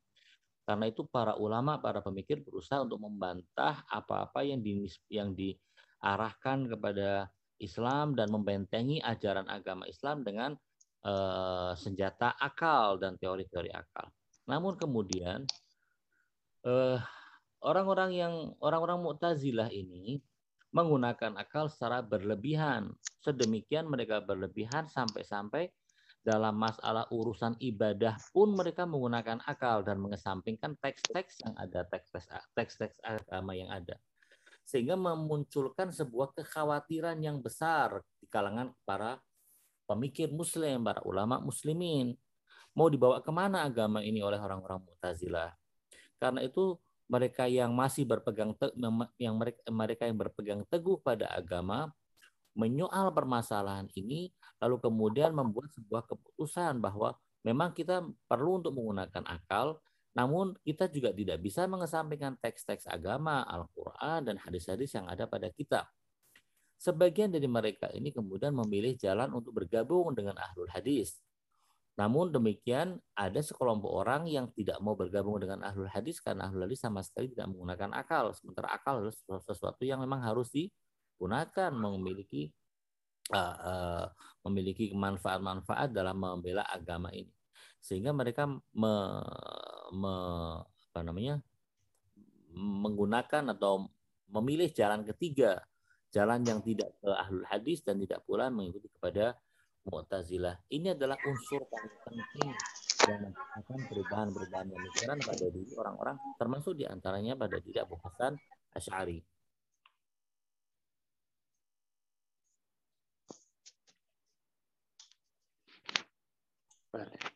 نکته دیگه بود بله بفرمایید ببخشید Ustaz Ustaz Hafid ya mangga mangga uh, nah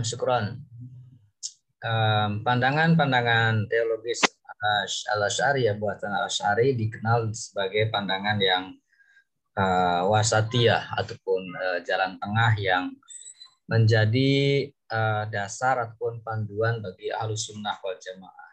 Nah, apakah ada uh, corak ataupun pandangan lain, misalkan uh, versi ataupun dari teologi uh, Syi'i misalkan ataupun yang lain uh, terkait dengan uh, perdebatan kalam dalam hal ini. Demikian Ustaz. Syukuran. بعد چیزی که توضیح داده شده و تا حالا هم اطلاع داریم نسبت به دیدگاه اشعریه دیدگاه اشعری یک دیدگاه وسطی هست یک دیدگاه میانه روی هست نه افراطی توش هست و نه تفریطی. اشعری یک مذهب تفکر مذهب کلامی بنیان گذاری کرده که اون مذهب مذهب وسط بین دو تا نظر افراطی و تفریطی. آیا سوال ایشون اینه که آیا مکاتب دیگری وجود دارن که همچین دیدگاه وسطی داشته باشه مثلا بله. بله ما الان حالا مکتب ماتوریدی رو که حالا اشاره فل جمله خواهیم کرد یا مکتبی که تهابی مطرح کرد از اهل سنت اینها هم تو همین جریان جلو میرن. و خب دیدگاه شیعه هم که انشاءالله بهش خواهیم پرداخت اون هم همینطور. اون هم در واقع دیدگاه متفاوتیه.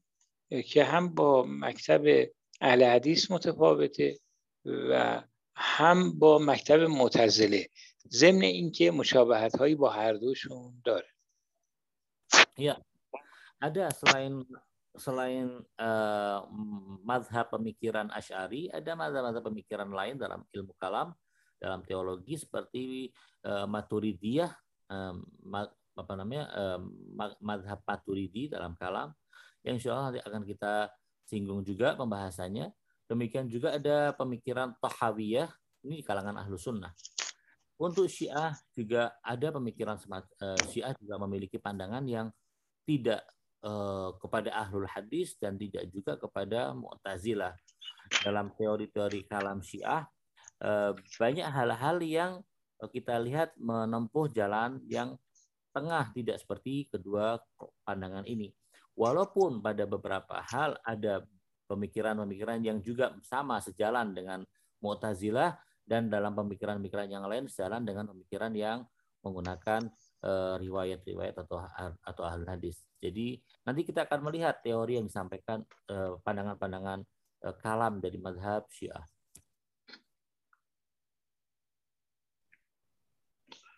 خب ما بعدا میبینیم که این مکتب ابوالحسن اشعری یه مقداری تطور پیدا می‌کنه تحول پیدا می‌کنه و بعد از او شخصیتی مثل ابوبکر باقلانی که یک نظام مشخصتری رو به مکتب اشعری میده. Ya, ini pembahasan tentang uh, mazhab pemikiran Abdul Hasan Ash'ari. Pemikiran ini kemudian berkembang, semakin berkembang, semakin membesar, dan kemudian muncul seorang pemikir, seorang ulama bernama Abu Bakar Al-Baqilani ya, uh, dari kelompok yang me, yang mewakili dari pemikiran Ash'ari tadi. بعد مهمتر از باقلانی به امام الحرمین جوینی می‌رسیم که با یه فاصله چند ده چند دهه ایشون مدرسه نظامیه بغداد که در واقع توسط خواجه نظام الملک تأسیس میشه امام الحرمین میره اونجا نزدیک سی سال در نظامیه به آراء ترویج آراء اشعری می‌پردازه و خب خیلی کمک می‌کنه به گسترش دیدگاه های اشعری ایشون. چون امام مکه و مدینه بود شیخ الاسلام بود ایشون.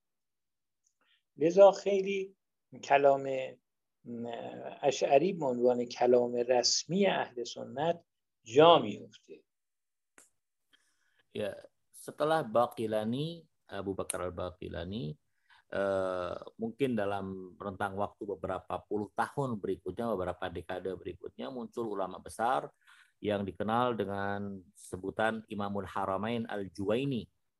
Al-Juwaini eh, merupakan tokoh yang sangat mem, yang memiliki andil yang sangat besar dalam menyebarkan dan menguatkan pemikiran-pemikiran Abul Hasan Ash'ari eh, Jua ini pernah berada 30 tahun lamanya di Madrasah Nizamiyah yang ada di eh, Baghdad. Nizamiyah ini dirintis oleh Khaja Nizamul Mulk yang mana merupakan sebuah tempat pendidikan keagamaan dan mimbar keagamaan yang besar di kota Baghdad. Selama 30 tahun lamanya, Imamul Haramain ini menyebarkan pemikiran-pemikiran Abu Hasan Ash'ari. Dengan demikian pemikiran Abu Hasan Ash'ari menjadi pemikiran yang menyebar dan semakin kuat dan bisa dikatakan sebagai uh, yang mewakili dari kelompok dari pemikiran kalam ahlu sunnah. خب جوینی به اندیشه های اشعری یک در واقع رویکرد عقلی و استدلالی بیشتری داد. و البته بعدش با ظهور فخرالدین رازی کلام اشعری به شدت فلسفی و عقلی تر شد. و البته از سوی دیگه امام محمد غزالی هم که از شاگردان جوینی بود چون به یک حالت تصوف و عرفان گرایش پیدا کرده بود یک تفسیر عرفانی از آراء اشعری ارائه داد Ya, ini memberikan uh, memberikan unsur-unsur logika dan akli yang lebih pada um, pemikiran Asy'ariyah. Lalu kemudian setelah itu muncullah Fakhrur Fakhruddin Ar-Razi atau Fakhrur Razi yang kita kenal sebagai seorang pemikir dan seorang uh, yang memiliki pandangan-pandangan akli yang sedemikian kuat. Di tangan Fakhrul Razi inilah pemikiran Ash'ari sedemikian kental dengan masalah-masalah dan teori-teori aklinya. Jangan lupa pula peran dari Imam Ghazali yang merupakan murid dari Imam Al-Haramain Al-Juwaini. Imam Ghazali eh, termasuk orang yang menguatkan pemikiran Asy'ari dan karya-karya beliau, pemikiran karya-karya pemikiran beliau dalam hal tasawuf juga bisa dikatakan sebagai eh, sebagai yang mewakili pemikiran dari Asy'ari.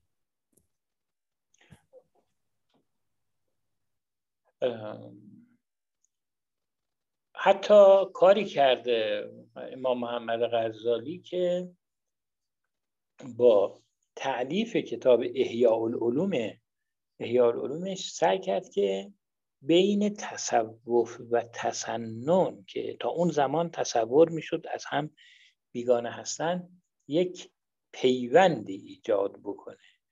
و این موجب شد که حتی کسانی مثل مولا محمد رومی معروف به مولانا ایشون هم تحت تاثیر این جریان قرار بگیره و کرده اشعری گرایانه در آثار مولوی مثل مصنوی و اینها به خوبی قابل مشاهده هست.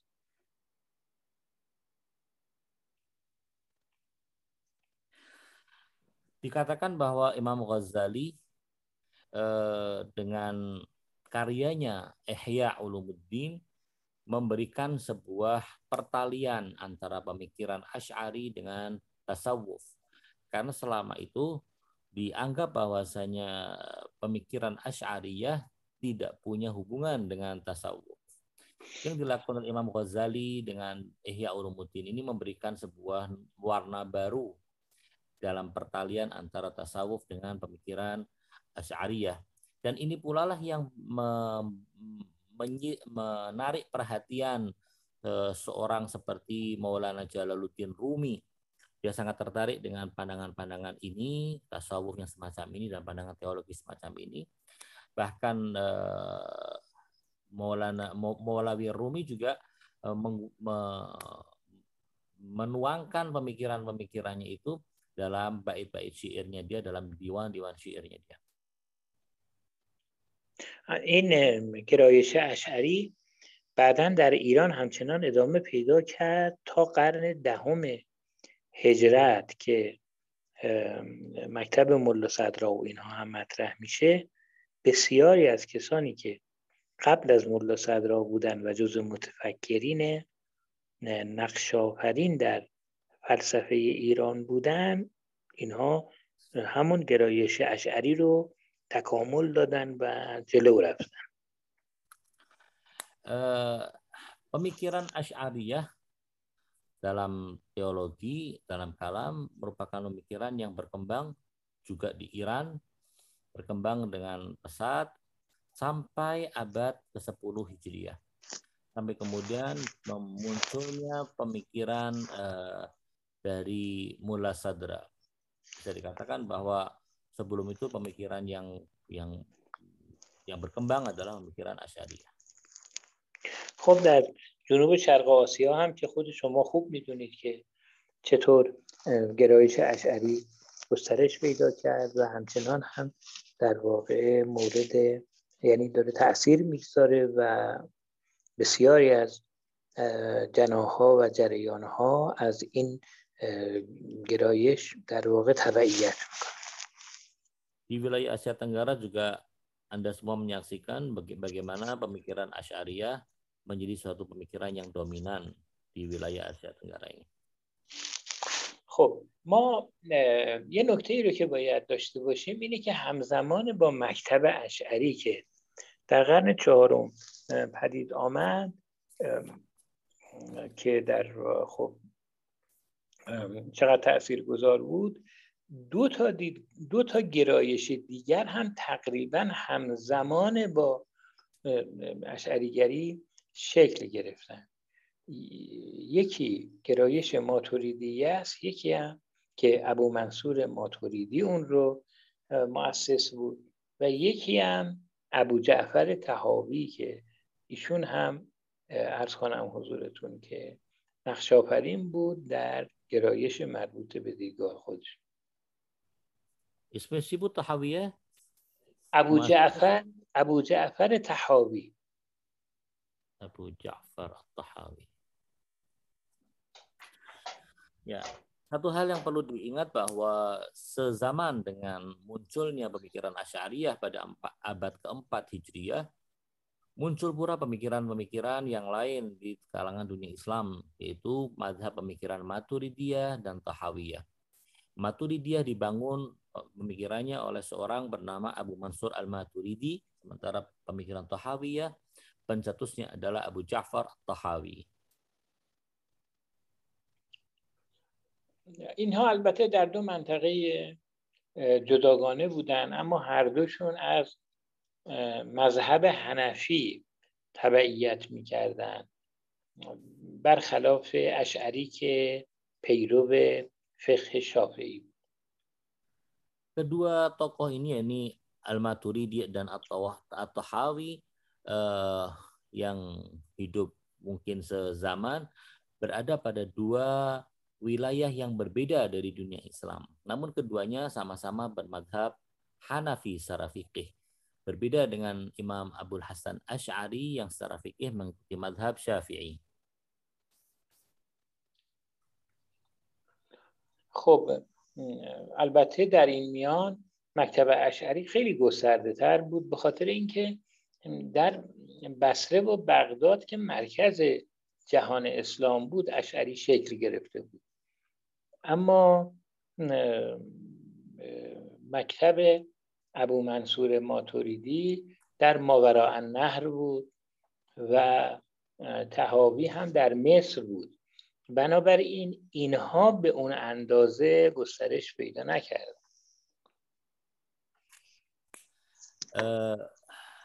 meski demikian dibandingkan dengan Maturidiyah dan Tahawiyah, pemikiran Asy'ariyah lebih lebih berkembang, berkembang lebih pesat dan diterima di banyak kalangan. E, mungkin penyebabnya adalah karena e, pemikiran Asy'ariyah muncul di wilayah Baghdad dan Basrah yang merupakan yang saat itu merupakan pusat kegiatan pemikiran Islam di dunia Islam saat itu. Sementara e, pemikiran Maturidi uh, munculnya di wilayah Mawaro Anar yang mungkin Mesopotamia sekarang di masa dulu dan pemikiran Tahawiyah munculnya di Mesir. از کنم که اینها هم هر دوشون مثل اشعری سعی کردن که راه سومی متفاوت از اهل حدیث و معتزله ارائه بدن Sama seperti Asy'ariyah, kedua tokoh ini yaitu Abu Mansur Maturidi dan Tahawi sama-sama memiliki pan, mengambil jalan tengah. Jadi jalan tengah un, untuk yang tidak sejalan dengan pemikiran Mu'tazilah secara murni ataupun pemikiran Ahlul Hadis secara murni. منتها تفاوتی که بین ماتوریدی و تهاوی بود این بود که گرایش ماتوریدی به خاطر اینکه بیشتر عقل گرا بود و سعی می‌کرد که ضمن اینکه ملتزم به مکتب ابو حنیفه هست اما و, تش... و مبانی او داره اما سعی می‌کرد خودش اجتهاد بکنه در بحث کلام و عقاید و فراتر از اون محدودیت های ابو حنیفه عمل بکنه. اما تهاوی متفاوت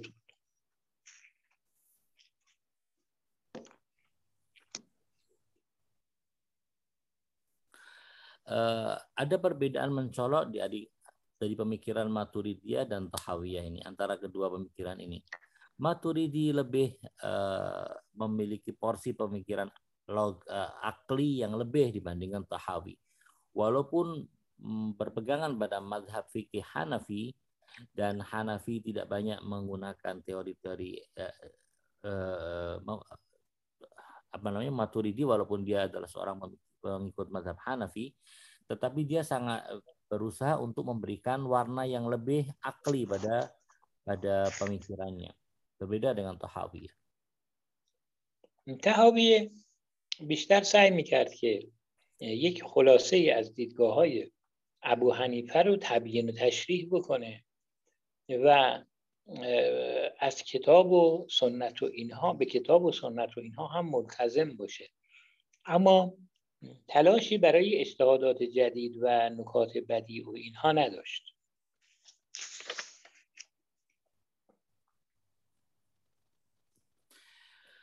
Tohawi lebih kepada menjelaskan dan menjabarkan pemikiran-pemikiran Abu Hanifah dan dalam masalah teo dalam masalah kalam lebih ke, lebih eh, cenderung kepada pada kepada hadis.